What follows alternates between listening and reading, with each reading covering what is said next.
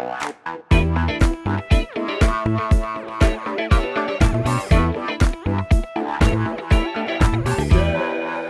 មជម្រាបសួរទស្សនិកជនទាំងអស់គ្នាសូមស្វាគមន៍មកកាន់កម្មវិធី podcast នៃគម្រោងជំនាញសិក្សានិងការងារដែលរៀបចំដោយសមាគមអតីតសិស្សនិស្សិតអាហារូបករណ៍ Fulbright និងអាហារូបករណ៍សហរដ្ឋអាមេរិកឬហៅកាត់ថា FUZAC ក្រោមការឧបត្ថម្ភដោយក្រុមហ៊ុន Smart Asiata ដែល podcast របស់យើងថ្ងៃនេះនឹងជជែកពិភាក្សាគ្នា អំពី film ដែលមានការចូលរួមពីវាគ្មិនកិត្តិយសមួយរូបដែលគាត់កំពុងធ្វើការនៅក្នុងវិស័យនេះដូច្នេះសូមស្វាគមន៍មកកាន់បងតារ៉ុងសូមបងជួយណែនាំខ្លួននិងការងាររបស់បងឲ្យទស្សនិកជនរបស់យើងបានស្ដាប់ផងបាទជំរាបសួរខ្ញុំបាទឈ្មោះមនីកាន់តារុងហើយសប្តាហ៍ថ្ងៃគឺខ្ញុំជាអ្នកដឹកនាំរឿងហើយនឹងផ្សាយនិច្ចកម្មផងដែរ អរគុណបងសម្រាប់ការណែនាំខ្លួនដើម្បីកុំឲ្យខាតពេលយូរចឹងយើងចូលទៅកាន់ការវិភាគសារលម្អិតអំពីមុខជំនាញនេះតែម្ដងចឹងខ្ញុំសូមសួរបងអឺថាដោយសារតែនៅក្នុងថ្ងៃនេះពួកយើងវិភាគសារអំពីមុខជំនាញ film តើអ្វីទៅគឺជាមុខជំនាញ film បាទសម្រាប់ខ្ញុំមុខជំនាញ film អឺវាក្តោបកសោបទៅកាន់ផ្នែកផ្សេងផ្សេងខ្លះជាច្រើនដូចជាខាងទូរទស្សន៍ ខាង music video ក៏ដូចជាថាវីដេអូចម្រៀងហើយនឹងក៏ដូចជាភាពយន្តខ្នាតវែងភាពយន្តខ្នាតខ្លីហើយនឹងភាពយន្តសាយកម្មអញ្ចឹងណាក៏ប៉ុន្តែអឺនៅស្រុកគេអីគេបែងចែកគ្នាដាច់ដាច់តែដោយសារនៅប្រទេសកម្ពុជាយើងដោយសារតែធនធានមនុស្សមានចំនួនតិចអញ្ចឹងទៅអឺភាគច្រើនអ្នកដែលរៀនមុខវិជ្ជា film ហ្នឹងគឺយើង focus ទៅលើអឺផ្នែកការងារទាំងទាំងនោះដែលខ្ញុំទុំនិយាយមិញហ្នឹង អឹមចឹងបងខ្ញុំចង់សួរថាតើមានកត្តាអ្វីដែលជំរុញទឹកចិត្តបងឲ្យសិក្សាក៏ដូចជាធ្វើការងារនៅក្នុងវិស័យនេះដែរបាទអឺកត្តាដែលជំរុញឲ្យខ្ញុំចូលរួមក្នុងវិស័យភាពយន្តនេះគឺចាប់ដើមពីការឆ្លាញ់និងការមើលភាពយន្តហ្នឹងតាំងពីក្មេងមកហើយខ្ញុំតែងតែដូចថាទិញ DVD អីចាក់មើលតាំងពីក្មេងឆ្លាញ់ភាពយន្តនឹងចឹងប៉ុន្តែអត់ដែលគិតថាខ្លួនឯងហ្នឹងនឹងចង់ខ្លាចជាអ្នកដឹកនាំរឿងមួយបើអត់ដឹងថា ជំនាញហ្នឹងវាជាដូចថាយើងអាចប្រកបមុខរបរវាយើងអាចធ្វើវាទៅជាជំនាញដែលយើងចាប់បានអញ្ចឹងណាគាត់តែដល់ពេលពេលដែលខ្ញុំចូលមហាវិទ្យាល័យទៅខ្ញុំរៀនផ្នែកអីផ្សេងផ្សេងទៅក៏ខ្ញុំ realize ថាខ្ញុំអត់ទាន់ដូចថាពេញចិត្ត100%ទេរហូតដល់ពេលខ្ញុំអឺចាប់យកមុខជំនាញផ្នែក multimedia នៅសាកលវិទ្យាល័យ Linkowi ហ្នឹងដែលធ្វើឲ្យខ្ញុំហ្នឹងអឺដឹងថាខ្ញុំជួយចិត្ត ខ្ញុំពិតជាជួយចិត្តខាង film នឹងមែនហើយក៏ខ្ញុំសម្រេចចិត្តថាយកនឹងធ្វើជាជំនាញផ្ទាល់របស់ខ្ញុំចឹងតើបងឆ្លាញ់អ្វីជាងគេនៅក្នុងជំនាញផងបងនេះអឺអ្វីដែលខ្ញុំឆ្លាញ់ជាងគេក្នុងមុខវិជ្ជានេះគឺគ្រប់ project គ្រប់ការងារហ្នឹងគឺអត់ដែលមានអីដែលថាដូចគ្នាគឺតែតែមានអីដែលប្លែកប្លែករហូតដែលធ្វើយើងហ្នឹងរៀនពីជីវិតរៀនពីអីបានច្រើនមិនត្រឹមតែថាផ្នែកភាពយន្តហ្នឹងឯងគឺយើងបានជួបមនុស្សថ្មីថ្មីយើងបាន យើងបានរៀនអ្វីពីថ្មីថ្មីខ្លួនឯងអញ្ចឹងណាហើយយើងក៏ជួបបញ្ហាប្លែកប្លែកច្រើនដែរដែលគ្រប់យើងថាយើងថា not not ចឹងថាអឺអត់មានថ្ងៃណាមួយដែលថាដូចគ្នាគឺថ្ងៃមួយមួយគឺខុសគ្នារហូតអញ្ចឹងខ្ញុំជួយចិត្តចំពោះខ្ញុំគឺជាខ្ញុំជាមនុស្សដែលជួយចិត្តការងាររបៀបហ្នឹងពួកឯងខ្ញុំជួយចិត្ត explore ហើយខ្ញុំជួយចិត្តធ្វើអ្វីដែលថ្មីរហូតចឹងអ្វីដែលបងឆ្លាញ់ជាងគេគឺអឺតាក់ទងជាមួយ film គឺវាថ្មីរហូតបាទអឺចឹងអឺ តើចំពោះសិស្សានុសិស្សដែលគាត់ចាប់អារម្មណ៍ជាមួយមុខជំនាញនេះតើបងគិតថាគាត់គួរយល់ដឹងអ្វីមុនពេលគាត់ចាប់យកជំនាញមួយនេះដែរបាទចំពោះខ្ញុំអឺមុននឹងគាត់ចង់ចាប់យកមុខជំនាញផ្នែក film ហ្នឹងគឺគាត់ត្រូវការសំខាន់បំផុតហ្នឹងគឺថា passion គឺការការស្រឡាញ់ផ្នែកភាពយន្តហ្នឹងហ្មងព្រោះអីវាមិនមែនជាការងារ ដែលម្យ៉ាងដែលថាយើងគ្រាន់តែធ្វើឲ្យបានលុយទេតើតើយើងធ្វើឲ្យតើយើងថាស្រឡាញ់ខ្លាំងបើយើងអាចតស៊ូក្នុងវិស័យនេះបានព្រោះអីវិស័យនេះយើងការធ្វើការក្នុងមុខជំនាញនេះគឺយើងត្រូវការទាំងកម្លាំងកាយនិងកម្លាំងចិត្តអញ្ចឹងទៅយើងយើងយើងធ្វើការទាំង outdoor ទាំង indoor យើងអញ្ចឹងយើងត្រូវការជួបជួបប្រទេសកលៈទេសៈច្រើនយើងចេញពីផ្ទះតាំងពីយប់យើងចូលផ្ទះវិញប្រលប់អីចឹងអញ្ចឹងវាត្រូវការការអំណត់ខ្ពស់អញ្ចឹងអឺខ្ញុំគិតថានិស្សិតមុននឹង មុននឹងចង់ប្រឡូកវិស័យភាពយន្តហ្នឹងត្រូវសួរខ្លួនឯងថាយើងឆ្លាញ់ film ប៉ុណ្ណាអញ្ចឹងណាហើយក៏ដូចជាឆ្លាញ់តែឆ្លាញ់តែមើលកុនមួយមុខហ្នឹងมันប្រកាសថាយើងប្រកែយើងឆ្លាញ់ក្នុងការផលិតកុនឲ្យព្រោះវាវាខុសគ្នាដាច់ហ្មងគឺការផលិតកុនគឺយើងត្រូវតម្រូវឲ្យមានឆន្ទៈមុខមុតក្នុងការចង់និយាយពីសាច់រឿងមួយទៅឲ្យទស្សនិកជនជាជាងការមើលកុនគឺយើងគ្រាន់តែដូចថាយើងទទួលអ្វីមួយពីភាពយន្តទេអញ្ចឹងវាខុសគ្នា ចឹងចំពោះការសិក្សាវិញតើបងចំណាយពេលវេលាប្រហែលខែឬក៏ប្រហែលឆ្នាំនៅក្នុងការសិក្សាដើម្បីស្វែងយល់នៅមុខវិជ្ជាមួយនេះអឺចំពោះមុខវិជ្ជា film នេះគឺខ្ញុំខ្ញុំខ្ញុំចាប់ផ្ដើមរៀងយឺតតិចគេក៏ប៉ុន្តែខ្ញុំចូលដល់មហាវិទ្យាល័យហើយបើខ្ញុំទុំចាប់ផ្ដើមរៀនពីជំនាញហ្នឹងអញ្ចឹងអ្នកខ្លះគេរៀនតាំងពីក្មេងគេធ្វើតាំងពីក្មេងអញ្ចឹងណាអឺប៉ុន្តែចំពោះខ្ញុំចំពោះផ្នែក film នេះផ្ទាល់អឺអត់មានពេលណាដែលថាយឺតពេលទេអ្នកខ្លះ director ខ្លះគាត់ អាយុ30 40ឆ្នាំក៏គាត់ទុំចាប់ដើមធ្វើកុនក៏មានដែរអញ្ចឹងដូចថាវាមិនមិនមិនថាចាំបាច់ថាអូយើងត្រូវត្រូវវឹកហាត់យូរហើយបានយើងអាចនេះចូលប្រឡូកបានទេអញ្ចឹងណាយើងអាចនៅចូលប្រឡូកបានអញ្ចឹងគាត់ថាចំពោះខ្ញុំនិយាយពីជីវិតខ្ញុំផ្ទាល់ហ្មងខ្ញុំចូលផ្នែក University នៅ Likowi ហ្នឹងគឺខ្ញុំអត់អត់រៀនខាង film ហ្នឹង100%ទេគឺមុខជាជំនាញខ្ញុំហ្នឹងគឺ multimedia អញ្ចឹងគឺយើងរៀន ចឹងថាយើងរៀនខាង film ដែរប៉ុន្តែវាអត់ focus ចំទេអញ្ចឹងយើងរៀនមាន design យើងរៀនមាន animation មាន 3D មានអីផ្សេងអញ្ចឹងក្នុងហ្នឹងគឺដូចជាលក្ខណៈថា major លក្ខណៈថា explore ឲ្យយើងចង់ដឹងច្បាស់ថាយើងជំនាញបកកែខាងអីអញ្ចឹងណាបន្ទាប់មករៀនចប់ក៏ខ្ញុំចាប់ដើមរៀនចប់ហើយជាបញ្ញាបត្រហ្នឹងខ្ញុំចាប់ដើមចូលចូលបម្រើការផ្នែក assistant producer នៅអង្គការ BBC Media Action ពេលហ្នឹងគឺយើងផលិតកម្មវិធីលយ9ហើយនិងស្នេហ៍9 ពេលដែលយើងផលិតកម្មវិធីហ្នឹងគឺខ្ញុំចាប់ដើមចូលធ្វើលក្ខណៈថាក្នុង production ផ្ទាល់ហ្មងអញ្ចឹងពេល production ហ្នឹងគឺយើងធ្វើជា assistant គេបន្ទាប់មកដល់ស្នេហ៍9ខ្ញុំបានធ្វើជា director ដែលផលិត drama របស់ស្នេហ៍9នឹងដែរអញ្ចឹងណាអញ្ចឹងអាហ្នឹងបានថាចាត់ចាត់ទុកថាពេលដែលយើងពេលដែលចូល BBC ហ្នឹងគឺខ្ញុំគិតថាជាពេលដែលខ្ញុំនឹងប្រឡូក100%ចូលក្នុងវិស័យ film នឹងដែរបាទបន្ទាប់មកខ្ញុំសំណាងមួយដោយថាខ្ញុំបានដាក់អាហារូបករណ៍ទៅប្រទេសកូរ៉េហ្នឹងក៏ខ្ញុំជាប់អញ្ចឹងខ្ញុំខ្ញុំបានទៅរៀននៅកូរ៉េហ្នឹង3ឆ្នាំទៀតផ្នែក film ចំហ្មងអញ្ចឹងគឺនៅប្រទេសកូរ៉េបានមានផ្នែក film ហ្នឹងខ្មែរយើងយើងអត់ទាន់មានដូចថាមហាវិទ្យាល័យដែលថាអឺផ្នែក film ចំហ្មងហេបាទហើយអញ្ចឹងទៅក៏ត្រឡប់មកវិញមកបាទខ្ញុំធ្វើការផ្នែកថតវីដេអូផ្សាយពាណិជ្ជកម្មក៏ដូចជាថតភាពយន្តខ្នាតខ្លីដល់រងថ្ងៃហ្នឹងចឹងបងជួយរៀបរាប់អំពីបទពិសោធន៍ តកតងជាមួយនឹងការសិក្សានៅបរទេសនៅប្រទេសកូរ៉េតកតងជាមួយនឹង film តិចបានទេបងបាទនិយាយទៅអឺពេលដែលខ្ញុំទៅសិក្សានៅប្រទេសកូរ៉េហ្នឹងផ្នែក film ហ្នឹងគឺខ្ញុំសិក្សាផ្នែកថ្នាក់អនុបណ្ឌិតគឺ Master Degree ចឹងទៅវាវាវាមានដូចថាថ្នាក់សិក្សាហ្នឹងវាលក្ខណៈថាជា theory ច្រើនជាង practical ប៉ុន្តែក៏ប៉ុន្តែពេលដែលយើងសិក្សា film យើងត្រូវការទាំងពីរត្រូវការទាំង practical ហើយនិង theory អញ្ចឹងដល់ពេលអញ្ចឹងទៅបានយើងអាចជោគជ័យខ្ញុំគិតថាអាចជោគជ័យក្នុង film នឹងបានអញ្ចឹងណាប៉ុន្តែខ្ញុំសំណាងដែរដោយសារតែមុនខ្ញុំទៅប្រទេសកូរ៉េហ្នឹងគឺខ្ញុំបានមាន practical experience ច្រើនជាមួយផ្នែក film ហ្នឹងពេលដែលខ្ញុំនៅ BBC ថតហ្នឹងអញ្ចឹងពេលទៅដល់នោះយើងអាចបំពេញវិជាថែមខាងផ្នែក theory ហ្នឹងអញ្ចឹងពីខាងសុកគេហ្នឹងគឺនិយាយផ្នែក theory ហ្នឹងគឺគេនិយាយច្រើនពីការវិភាគ ឲ្យស៊ីជម្រៅទៅក្នុងកុននីមួយមួយអំពី motivation របស់កាមេរ៉ាក៏ដូចជា motivation របស់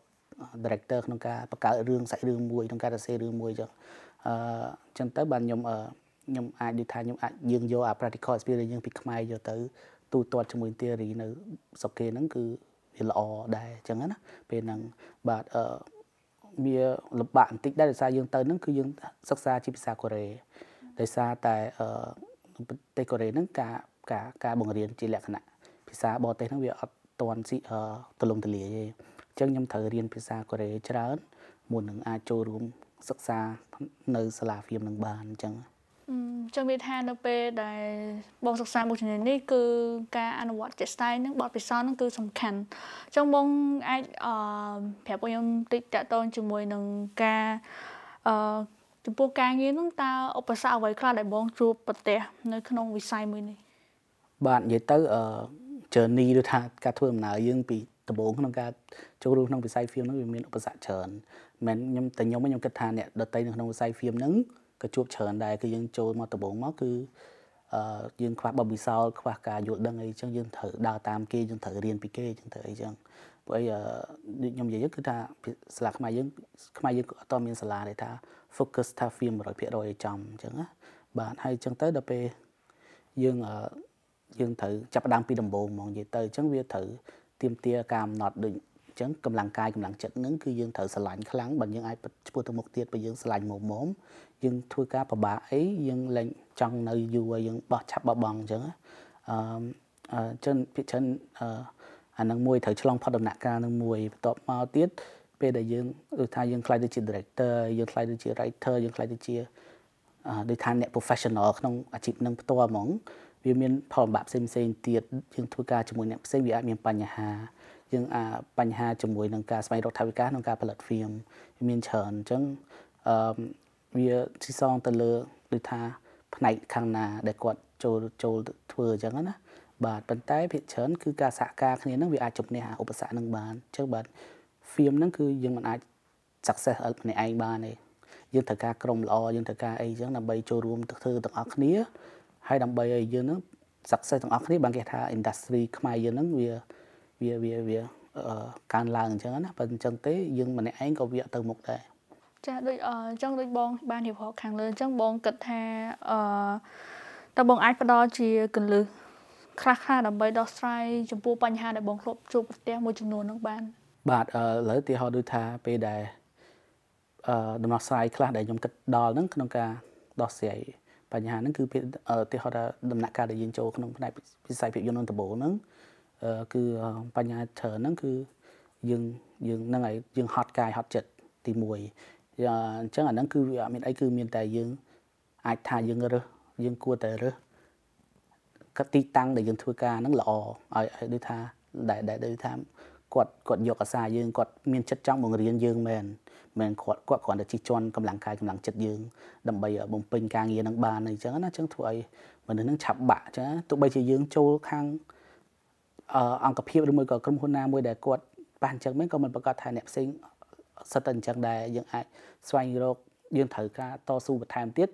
ខ្ញុំគិតថាពេលមួយហ្នឹងគឺម្នាក់ម្នាក់នឹងស្វែងរកក្រុមដែលយើងពេញចិត្តនឹងធ្វើការជាមួយ ហើយយើងដូចថាយើងសប្បាយចិត្តក្នុងការផលិតភាពយន្តនឹងជាមួយគ្នាអញ្ចឹងណាបាទហើយបន្តមកទៀតដល់ថាឥឡូវយើងខ្លាចជា director បានហើយគេឲ្យយើង direct នេះ direct នោះតែយើងនៅក្មេងយើងអីអញ្ចឹងវាជារឿងធម្មតាតែតែមានអ្នកអត់ស្ដាប់យើងតែតែគេអត់ទុកចិត្តយើងដូចថាដូចថាអ្នកគេផ្ដល់ថវិកាដើម្បីថតហ្នឹងគេអត់ទុកចិត្តយើងឬមួយក៏ក្រុមការងារហ្នឹងគាត់ជួនកាលចាស់ចាស់ជាងយើងក៏មានដែរអញ្ចឹងគាត់អត់ទុកចិត្តយើងអញ្ចឹងយើងត្រូវអឺរៀននិយាយជាមួយពួកគាត់ផ្សេងផ្សេងគ្នា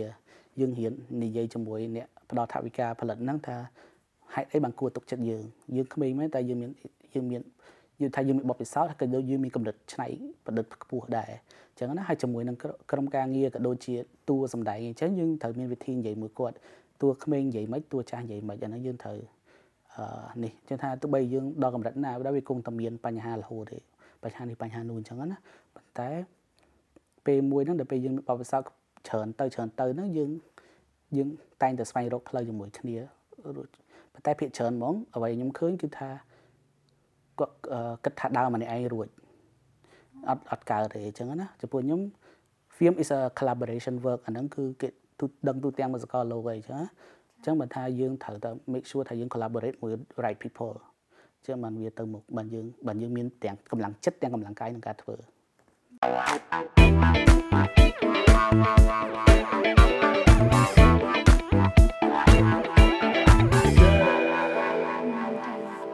តជាអរគុណទៅដល់បបពិសោធន៍ក៏ដូចជាដំណោះស្រាយដែលបងបានផ្ដល់សង្ឃឹមថាអ្នកទាំងអស់គ្នាអាចនឹងស្វែងយល់កាន់តែច្បាស់អំពីដំណោះស្រាយនៅក្នុងឧបសគ្គនៅក្នុងមុខជំនាញមួយនេះអឺអញ្ចឹងអឺយើងក្លែកទៅកាន់ការសិក្សាវិញអញ្ចឹងបើសិនជាគាត់បញ្ចប់នៅជំនាញមួយនេះតើសិស្សានុសិស្ស និស្សិតហ្នឹងគាត់អាចទៅប្រកបមុខជំនាញអ្វីបានខ្លះបងអឺពេលដែលគាត់ចាប់យកជំនាញផ្នែក film គាត់អាចទៅរៀនអឺផ្នែក course ខ្លីៗនៅស្រុកខ្មែរក៏ដូចជាស្រុកបរទេសអីចឹងជាដើមអញ្ចឹងណាគាត់អាចមកវិញគាត់អាចធ្វើចូលរួមចូលរួមជាលក្ខណៈក្រុមការងារសិនបន្ទាប់មកយើងអាចគ្រប់គ្រងបានហើយគឺមានអាចចូលទៅខាងផ្នែកទូរទស្សន៍ដែលគាត់អាចផលិតលក្ខណៈថា TV show ផ្សេងផ្សេងក៏ដូចជា TV drama ផ្សេងផ្សេង ហើយបន្ទាប់មកទៀតគាត់អាចចូលជាលក្ខណៈខាងខាងភាពយន្តផលិតដាក់រោងកុននឹងតែម្ដងជាមួយនឹងផលិតកម្មផ្សេងផ្សេងអញ្ចឹងណាបាទបន្ទាប់មកទៀតការងារផ្សេងទៀតគឺគាត់អាចចូលរួមជាមួយនឹងក្រុមហ៊ុនផលិតផ្សាយពាណិជ្ជកម្មវីដេអូវីដេអូផ្សាយពាណិជ្ជកម្មដែលដាក់នៅក្នុងទូរទស្សន៍ក៏ដូចជា social media ហ្នឹងបាទអាហ្នឹងយើង work directly ជាមួយ product ផ្សេងផ្សេងអញ្ចឹងទៅអឺហើយក៏គាត់អាចចូលទៅខាងផ្នែកអឺ art ខ្លះដូចជាលក្ខណៈ ផលិតវីដេអូចម្រៀងបាទក៏ដូចជា art film film ផ្សេងផ្សេងដើម្បីដាក់ប្រកួតប្រជែងនៅបរទេសផងដែរអឺចឹងតាមទស្សនៈរបស់បងបងយល់ថាការសិក្សាបណ្ដាធ្វើការបដាហ្នឹងមានផលវិបាកក៏ដូចជាអត្ថប្រយោជន៍អ្វីខ្លះចំពោះសិស្សនិស្សិតនៅក្នុងជំនាញមួយនេះអឺចំពោះខ្ញុំការសិក្សាបណ្ដាហើយរៀនបណ្ដាហ្នឹងគឺរៀនបាក់ខ្ញុំធ្លាប់ដែរអញ្ចឹងកាលខ្ញុំរៀនខ្ញុំទៅ intern នៅនេះនៅនោះអញ្ចឹងអឺវា ទីមួយគឺការគ្រប់គ្រងពេលវេលាហ្នឹងតែការប៉ុន្តែខ្ញុំគិតថារៀនជំនាញអីក៏ដោយពេលដែលយើងធ្វើការបដារៀនបដាហ្នឹងគឺវាពិបាកស្រាប់ប៉ុន្តែអ្វីដែលល្អស្ងាត់ film ចំពោះខ្ញុំអឺយើងអាចចំពោះមកថាយើងរៀនអីផ្សេងហើយយើងធ្វើការអីផ្សេងដើម្បីចាស់រលុយដើម្បីទប់ចំណូលហ្នឹងប៉ុន្តែចំពោះខាងផ្នែក film គឺយើងអាចរៀន film ផងបដាផងយើងធ្វើខាង film នឹងទៀតពេលអញ្ចឹងអញ្ចឹងយើងកាន់តែបុករួមអាជំនាញរបស់យើងនឹងកាន់តែខ្លាំងអា skill របស់យើងកាន់តែខ្លាំងអញ្ចឹងណា បាទអញ្ចឹងវាអានឹងវាជាអត្ថប្រយោជន៍មួយចំពោះខាងបើសិនជាខាង film នឹងបាទព្រោះអីដូចខ្ញុំនិយាយចឹង film នឹងគឺវាសំខាន់ហ្មងរឿងរបប theory និង practical អញ្ចឹងយើងត្រូវការទាំងពីរទោះបីជាយើងគេឲ្យយើងទៅរកធ្វើការអីយើងចាំតែរៀនក៏វាយើងអត់ចេះអីដែរយើងចេះតែទ្រឹស្ដីថាអូអានេះធ្វើចេះធ្វើចេះប៉ុន្តែដល់ពេលចេះស្ដែងពេលមេឃភ្លៀងមកធ្វើម៉េចពេលក្រុមការងារផ្លេចយកនេះមកធ្វើម៉េចអីចឹង ហើយយើងអត់ដឹងអីតយើងជក់ផ្ទាល់មកមកយើងដឹងយើងរៀននៅក្នុងថ្នាក់អត់ដឹងអីហ្នឹងអញ្ចឹងណាបាទហើយហ្នឹងហើយផលវិបាកហ្នឹងគឺ yeah again គឺយើងយើងតែងតែថាប៉ះពាល់ជាមួយពេលវេលាក៏ដូចជាអឺអត់ដឹងទៅណាប៉ុន្តែចំពោះខ្ញុំគឺផលផលប្រយោជន៍ច្រើនជាងគាត់ថាយើងត្រូវស៊ូផលបាក់ហ្នឹងគឺរឿងប្របាក់រឿងថាហត់អីហ្នឹងយើងឆាប់បោះបង់អីចឹងវាអាចអឺ ចង់បងដែរមានគំនិតថាចង់បោះបង់ចោលនៅការចាប់យកមួយជំនាញមួយនេះអត់បាទនឹងឲ្យខ្ញុំធ្លាប់និយាយទៅខ្ញុំគិតថាអ្នកណាក៏មានមានអាកូនចិត្តនឹងមួយអញ្ចឹងណាបាទព្រោះអីពេលដែលយើងចូលប្រឡូកដំបងគឺយើង surprise ហ្មងថាអូថតបាន1នាទីហ្នឹងថតចង់មួយថ្ងៃពេញទុំបានតបាន1នាទីអីជួនកាលក៏មានដែរអញ្ចឹងណាវីដេអូអញ្ចឹងដល់ពេលអញ្ចឹងទៅគឺយើង feel like បើយើងធ្វើអីផ្សេង អាចរលុយបានច្រើនជាងឬមកយើងធ្វើអីផ្សេងអត់សូវហត់អីចឹងនៅអង្គុយ office វាមិនល្អជាងអញ្ចឹងណាប៉ុន្តែចំពោះខ្ញុំផ្ទាល់ខ្ញុំខ្ញុំនិយាយពីបោកសោខ្ញុំផ្ទាល់ហ្មងគឺពេលមួយគឺពេលដែលខ្ញុំអឺទៅរៀននៅកូរ៉េហ្នឹងពេលដែលរៀននៅកូរ៉េហ្នឹងគឺខ្ញុំរៀនភាសាកូរ៉េសិនដល់ពេលខ្ញុំរៀនភាសាកូរ៉េប្រហែលពេលហ្នឹងគឺយើងរៀនដូចកុំក្មេងគឺយើងអង្គុយរៀនក្នុងថ្នាក់ធម្មតាអញ្ចឹងបាទទៅបីនេះក៏ដែរយើងតរៀនហើយបើយើងបានទៅរៀនហ្វៀមទៅបាទពេលហ្នឹងគឺខ្ញុំខ្ញុំនឹកនឹកនឹកនឹក ទៅថតនឹងមែនតើអាការដើរថតអីហ្នឹងអាការនៅ on set តែបានបានថតជាមួយតួជាមួយក្រុមការងារអញ្ចឹងគឺខ្ញុំនឹកអាហ្នឹងមែនតើមកខ្ញុំនឹកអាស្ងៀមខ្ញុំចង់រកគ្នាថតប៉ុន្តែអត់មានគ្នាថតជាមួយទៀតដោយសារតែអ្នកអ្នករៀនភាសាកូរ៉េមួយហ្នឹងគេមុខជាផ្សេងផ្សេងអញ្ចឹងគេមិនខាង film អញ្ចឹងបើខ្ញុំ realize ថាអូខ្ញុំពិតជាឆ្លាញ់ film ទៅបីខ្ញុំទៅធ្វើការអីស្រួលរលុយបានច្រើនអីមែនក៏ខ្ញុំ feel like អត់អត់អត់ satisfy អញ្ចឹងយើងគឺថាយើងអាហ្នឹងគឺ passion របស់យើងគឺយើង satisfy passion របស់យើងហ្នឹងអឺ ហ្នឹងហើយចាំមិនថាបើសិនជានេះខ្ញុំគិតថា do your best first មុននឹងយើងបោកបង់អីចឹងឬមួយក៏ដូចក្នុងករណីខ្ញុំនេះខ្ញុំមិនអាចបោកបង់បានអីចឹងប៉ុន្តែអឺក៏ខ្ញុំគិតថាมันគួរបខំឲ្យថាជួនកាលអ្នកខ្លះក៏គាត់ឆ្លាញ់តែក៏គាត់អត់ fit ជាមួយអាការងារហ្នឹងក៏មានដែរបាទវាពិបាកអញ្ចឹងប៉ុន្តែអឺត្រូវតែតស៊ូឲ្យដល់ទីបញ្ចប់សិនមកយើងដឹងអាហ្នឹងបាទចាបង អឺចឹងបងគាត់ថាចំពោះមុខជំនាញនេះគឺជួបការពិបាកច្រើនមែនទែនហើយក៏ត្រូវការការតស៊ូច្រើនតើបងគាត់ថាមនុស្សបែបណាដែលស័កសមជំធ្វើការក៏ដូចជាសិក្សានៅក្នុងជំនាញមួយនេះដែរបាទចំពោះខ្ញុំមនុស្សដែលស័កសមជាមួយនឹងផ្នែកជំនាញភាពយន្តហ្នឹងគឺគាត់ស្រឡាញ់ភាពយន្តខ្លាំងហ្មងគឺអាហ្នឹងគឺចេញមកពីចិត្តប៉ុន្តែដូចខ្ញុំនិយាយចឹងចេញពីចិត្តហ្នឹងចង់និយាយថាយើងស្រឡាញ់មើលការមើលភាពយន្តហ្នឹងផ្សេងហើយនឹងការផលិតហ្នឹងគឺផ្សេងវាអត់ដូចគ្នាទេអញ្ចឹងអ្នកខ្លះគាត់ស្រឡាញ់ចូលចិត្តទៅមើលរឿងតែមិនប្រកាសថាគាត់ហ្នឹងចូលចិត្តក្នុងការផលិតរឿងហ្នឹងហើយព្រោះអីការផលិតរឿងហ្នឹងទាមទារឲ្យមាន passion របៀបផ្សេងដូចថាយើងយើងយើងយើងនេះមួយហើយយើងមួយទៀតយើងចង់ tell story អីមួយដែលយើងមានក្នុងចិត្តទីហោដោយថាយើងជួបក្នុងសង្គមយើងជួបក្នុងគ្រួសារយើងយើងមាន story ដែលយើងចង់បង្ហាញវាលក្ខណៈទៅទៅសាធារណៈមើលឲ្យធ្វើឲ្យទស្សនិកជនហ្នឹងគាត់គាត់មានអារម្មណ៍ផ្សេងគាត់យល់ពីពី ពីការលំបាកអីដែលគាត់យើងធ្លាប់ជួបនឹងយើងចង់និយាយឬមួយក៏យើងផ្ដល់កម្រិតអីមួយទៅកាន់ទស្សនិកជនអីចឹងយើងធ្វើជាសាច់រឿងឡើងអញ្ចឹងណាពេលដែលយើងមាន passion ក្នុងការ tell story ហ្នឹងមិនយើងស័កសមនឹងការចូលរួមក្នុងការផលិត film ហ្នឹងអញ្ចឹងណាពួកអីពួកអី we is a special art form អញ្ចឹងអឺហើយចំពោះខ្ញុំមិនថាជួនកាលគាត់អាចអឺ លក្ខណៈថាដូចជាគាត់ជា designer គាត់ជា costume designer ឬមួយក៏ជាអីក៏ដោយបើសិនជាគាត់មិនមែនរៀន film ចំទេប៉ុន្តែគាត់អាចចូលប្រឡូកក្នុងវិស័យ film ដើម្បីជួយខាង costume design ខាង prop design set design ហ្នឹងគឺដើម្បីឲ្យអឺនេះទៅមុខអញ្ចឹងជួនគាត់ក៏ជំនាញគាត់ផ្សេងឯងប៉ុន្តែគាត់ស្រឡាញ់ភាពយន្តដែរខ្សែភាពយន្តដែរអាហ្នឹងក៏មួយយ៉ាងដែរអាហ្នឹងយើងអាចធ្វើអញ្ចឹងបានចុះមេឲ្យឲ្យតែគាត់មានទឹកចិត្តស្រឡាញ់គាត់ពុះពៀ គាត់ប្រកាសជាអាចធ្វើបានដូចបងអញ្ចឹងបាទហ្នឹងហើយទៅយើងស្រឡាញ់យើងយើងពុះពៀយើងតស៊ូអញ្ចឹងណាហ្នឹងហើយហើយព្រោះអីវាមានវាជា special feeling មួយពេលដែលយើងឃើញអ្វីការងាររបស់យើងនៅលើ screen អញ្ចឹងណាទោះបីថាឥឡូវសបោ screen ទូរស័ព្ទច្រើនជាង screen ក្នុងកុនអញ្ចឹងប៉ុន្តែទោះបី screen ទូរស័ព្ទហ្នឹងក៏ដោយយើងឃើញអញ្ចឹងយើងយើង feel different ហ្មងអញ្ចឹងបានមនុស្សស្រឡាញ់ពេលដែលយើងហ្នឹងបាន final product ហ្នឹងមកហ្នឹងហើយ អឺចឹងបងអាចរៀបរាប់តកតងជាមួយនឹងបរិបទការងារដែលបងជួបប្រទះអឺជារៀងរាល់ថ្ងៃនៅក្នុងវិស័យនេះទៅដល់សិស្សដើម្បីឲ្យគាត់ដឹងថាតើបើសិនជាគាត់ចាប់យកជំនាញហ្នឹងតើគាត់ត្រូវជួបប្រទះគេខ្លះដែរ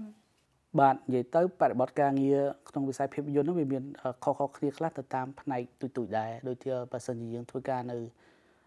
ផលិតភាពយន្តរបៀបត្រាប៉ានៅខាងប៉ុស្តិ៍ទូរទស្សន៍វាផ្សេង ផលិតភាពយន្តដើម្បីដាក់រោងកុនវាផ្សេងខាងផ្សាយពាណិជ្ជកម្មវាផ្សេងអញ្ចឹងណាបាទវាខុសគ្នាទីទួចអញ្ចឹងទៅប៉ុន្តែភាគច្រើនគឺយើងចាប់ផ្ដើមពីការពីការប្រមូលផ្ដុំក្រុមការងារក៏ដូចជាស្វែងរកតួដើម្បីដើម្បីដើម្បីឲ្យធ្វើទៅអត្ថបទគឺយើងត្រូវមាន writer មួយគាត់ទៅសេអត្ថបទភាពយន្តហ្នឹងអញ្ចឹង as a writer ផ្ទាល់គាត់អាចទៅអង្គុយហាងកាហ្វេឬមួយគាត់ទៅស៊ូឌីយោរបស់គាត់អីចឹងអង្គុយទៅសេរឿង ប្រហែលខែចឹងហើយបានចេញមកបានខាង director ហ្នឹងគាត់យកអាហ្នឹងក្នុងករណីខ្លះ director និង writer ហ្នឹងតែមួយឯងចឹងណាជាមនុស្សតែម្នាក់ឯងចឹងករណីខ្លះចឹងគាត់អាចប្រពោផ្ដុំក្រុមការងារក៏ដូចជាតួសម្ដែងហ្នឹងដើម្បីរៀបចំរៀបចំមុនការថតនឹងគឺយើងត្រូវការខ្លះត្រូវការខ្លះត្រូវរកហើយទាំងកៅអៅក៏ដូចជាដូចថាអវ៉ាត់អីដែលមាននៅក្នុងភាពយន្តហ្នឹងហើយបន្ទាប់មកគឺយើងត្រូវចំណាយពេលចំណាយពេលប្រហែលថ្ងៃហ្នឹងគឺដើម្បីថតអញ្ចឹងគឺហ្នឹងគេហៅថាអង់គ្លេសហៅថា principal photography ហ្នឹងគឺមួយក៏ថា production day ហ្នឹងគឺយើងត្រូវថតយកទស្សនវិជ្ជាហ្នឹងដើម្បីថតចប់ហើយយើងប្រមូលផ្ដុំ footage ទាំងអស់ហ្នឹងផលិតកាត់តទៅជាខ្សែភាពយន្តវិញហ្នឹងហើយហើយចំពោះខ្ញុំចំពោះបទការងារបន្ថែមហ្នឹងគឺដូចថាអ្វីដែលនិស្សិតក៏ដូចជាសិស្សហ្នឹងដែលគាត់ expect ត្រូវ expect នៅក្នុងនៅក្នុងវិស័យភាពយន្តហ្នឹងគឺការធ្វើការជាក្រុមហ្នឹងហ្មងអឺ គឺសំខាន់ហ្មងយើងមិនអាចធ្វើអីមួយម្នាក់ឯងកើតទេយើងត្រូវពឹងយើងត្រូវធ្វើការជាក្រុមគឺយើងត្រូវទុកចិត្តគ្នាយើងត្រូវស្វែងរកក្រុមការងារដែលយើងទុកចិត្តគ្នាបានដែលយើងដែលមានសមត្ថភាពក្នុងការធ្វើការរៀនរៀងខ្លួនហ្នឹងហើយហើយផ្គុំអាអាអាស្នាដៃក៏ដូចជា skill ទៅវិញទៅមកហ្នឹងដើម្បីផលិតជាភាពយន្តដ៏ល្អមួយអញ្ចឹងទៅ ចឹងអញ្ចឹងអាហ្នឹងគឺសំខាន់មែនតើគឺ team work ហ្នឹងអញ្ចឹងបើសិនជាយើងអត់សូវចូលចិត្តផ្នែក team work ផ្នែកអីទេក៏ធ្វើការក្នុងភាពយន្តនឹងពិបាកដែរបើសិនជាយើងមនុស្សគិតថាយើងធ្វើតែម្នាក់ឯងក៏បានក៏វាពិបាកដែរអញ្ចឹងយើងត្រូវចេះនិយាយជាមួយមនុស្សផ្សេងផ្សេងហើយយើងត្រូវចេះបញ្យល់មនុស្សផ្សេងផ្សេងពី idea របស់យើងចឹងជំនាញតូនដែលគេហៅថា soft skill ហ្នឹងក៏សំខាន់នៅក្នុងការធ្វើការនៅក្នុងវិស័យមួយនេះដែរអូខេអឺចឹង តើបងគិតថាក្រៅពីការសិក្សានៅតាមសាលារៀនឬមួយក៏ course អីផ្សេងៗហ្នឹងតើសិស្សគាត់អាចយល់ដឹងអំពីចំណេះដឹងតកតងជាមួយនឹងមុខវិជ្ជានេះនៅខាងក្រៅបានដែរឬទេបងចង់និយាយថាផ្នែកភាពយន្តហ្នឹងគឺគឺជាជំនាញមួយដែលដូចថាមិនបាច់ត្រូវទៅចូលសាលាក៏ ក៏អាចនេះបានដែរអញ្ចឹងណាព្រោះឯដោយសារនៅស្រុកគេក៏ដូចជាស្រុកខ្មែរអញ្ចឹង director អ្នកធ្វើដឹកនាំរឿងអ្នកផលិតកុនមួយចំនួនធំហ្នឹងគេអត់ដែរចូលសាលាហ្នឹងក៏ប៉ុតអញ្ចឹងណាវាជាចំនួនមួយដែលយើងអាចរៀនដែលហៅថា from apprenticeship អឺបានថាយើងយើងយើង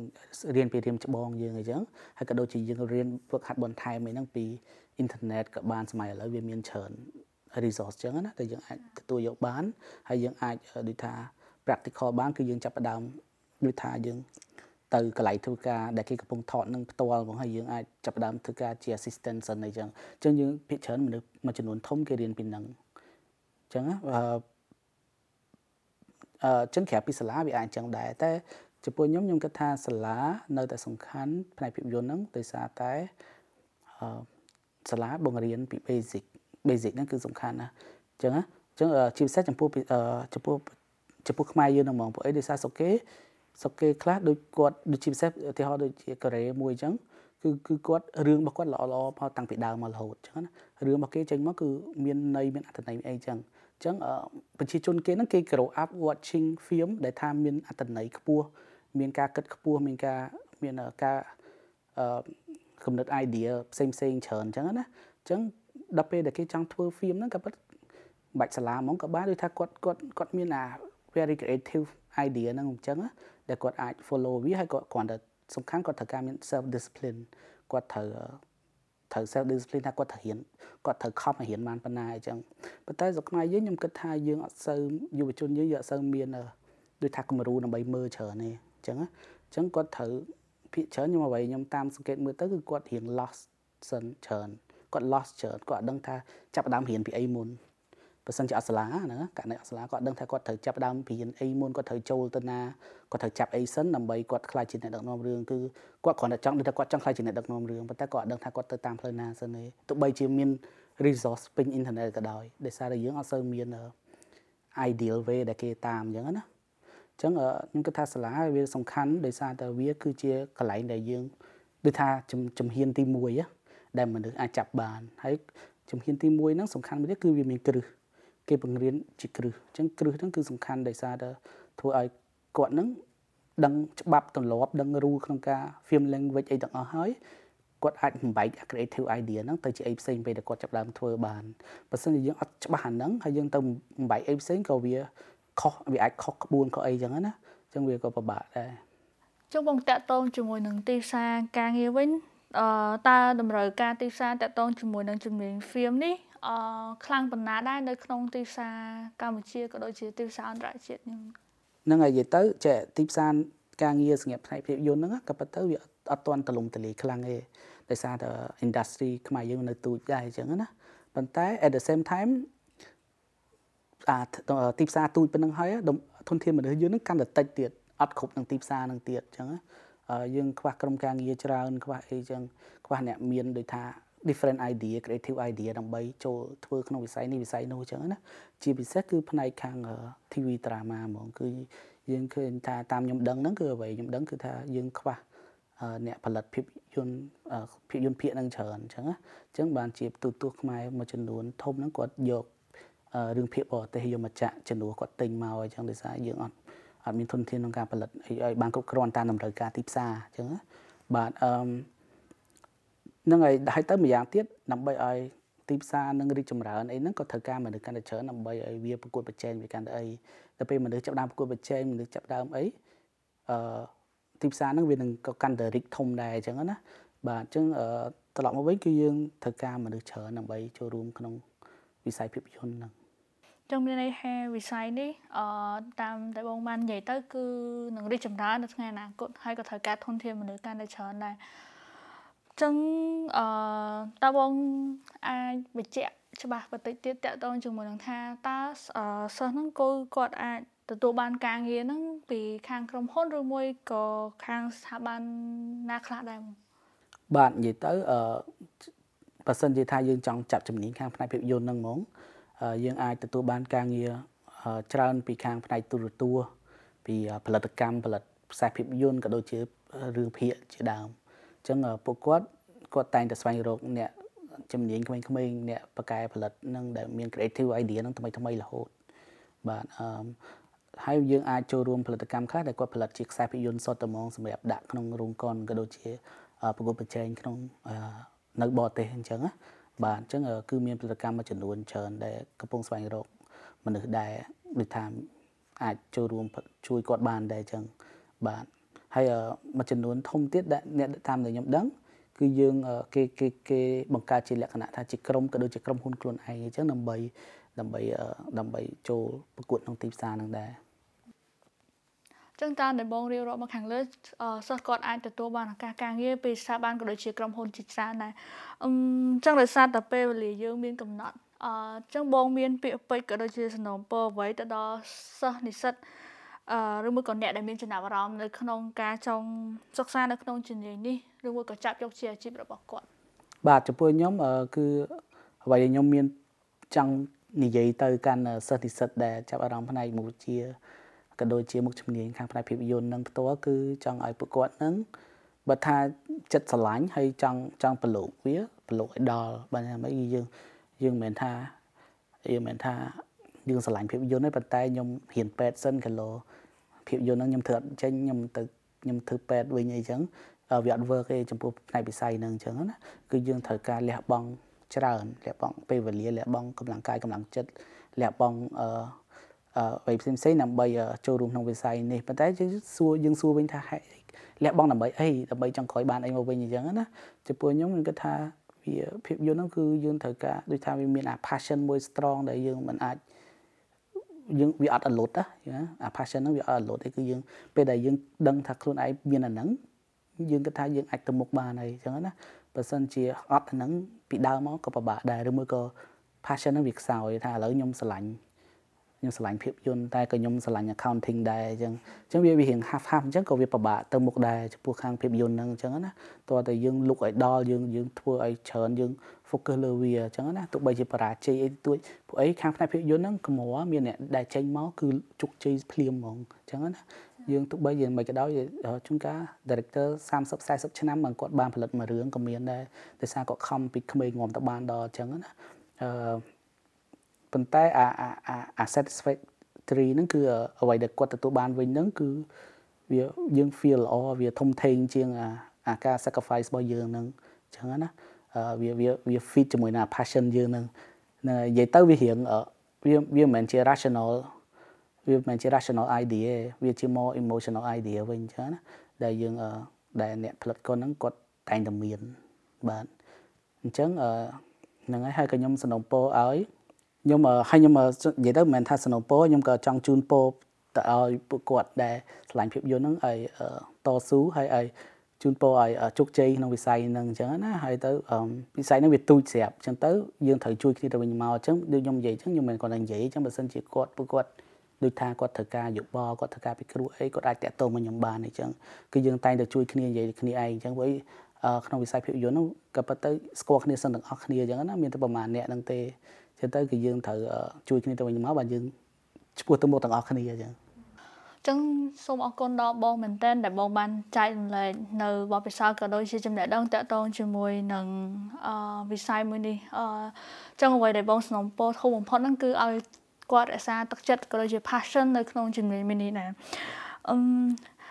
ចឹងជាចុងក្រោយសូមអរគុណដល់បងតារងដែលបានចំណាយពេលវេលាចូលរួមនៅក្នុង podcast របស់យើងថ្ងៃនេះហើយក៏សូមអរគុណទៅដល់ទស្សនិកជននិងប្រិយមិត្តដែលបានចំណាយពេលវេលាតាមដានស្ដាប់ podcast របស់យើងមួយនេះដែរសង្ឃឹមថាកិច្ចពិភាក្សានេះនឹងអាចផ្ដល់ជាចំនួននៅក្នុងការគិតក៏ដូចជាពិចារណាដល់សិស្សនិស្សិតក្នុងការជ្រើសរើសជំនាញនេះក៏ដូចជាការចាប់យកជាអាជីពរបស់ពួកគាត់ផ្ទាល់នាងខ្ញុំសូមអរគុណសូមជម្រាបលា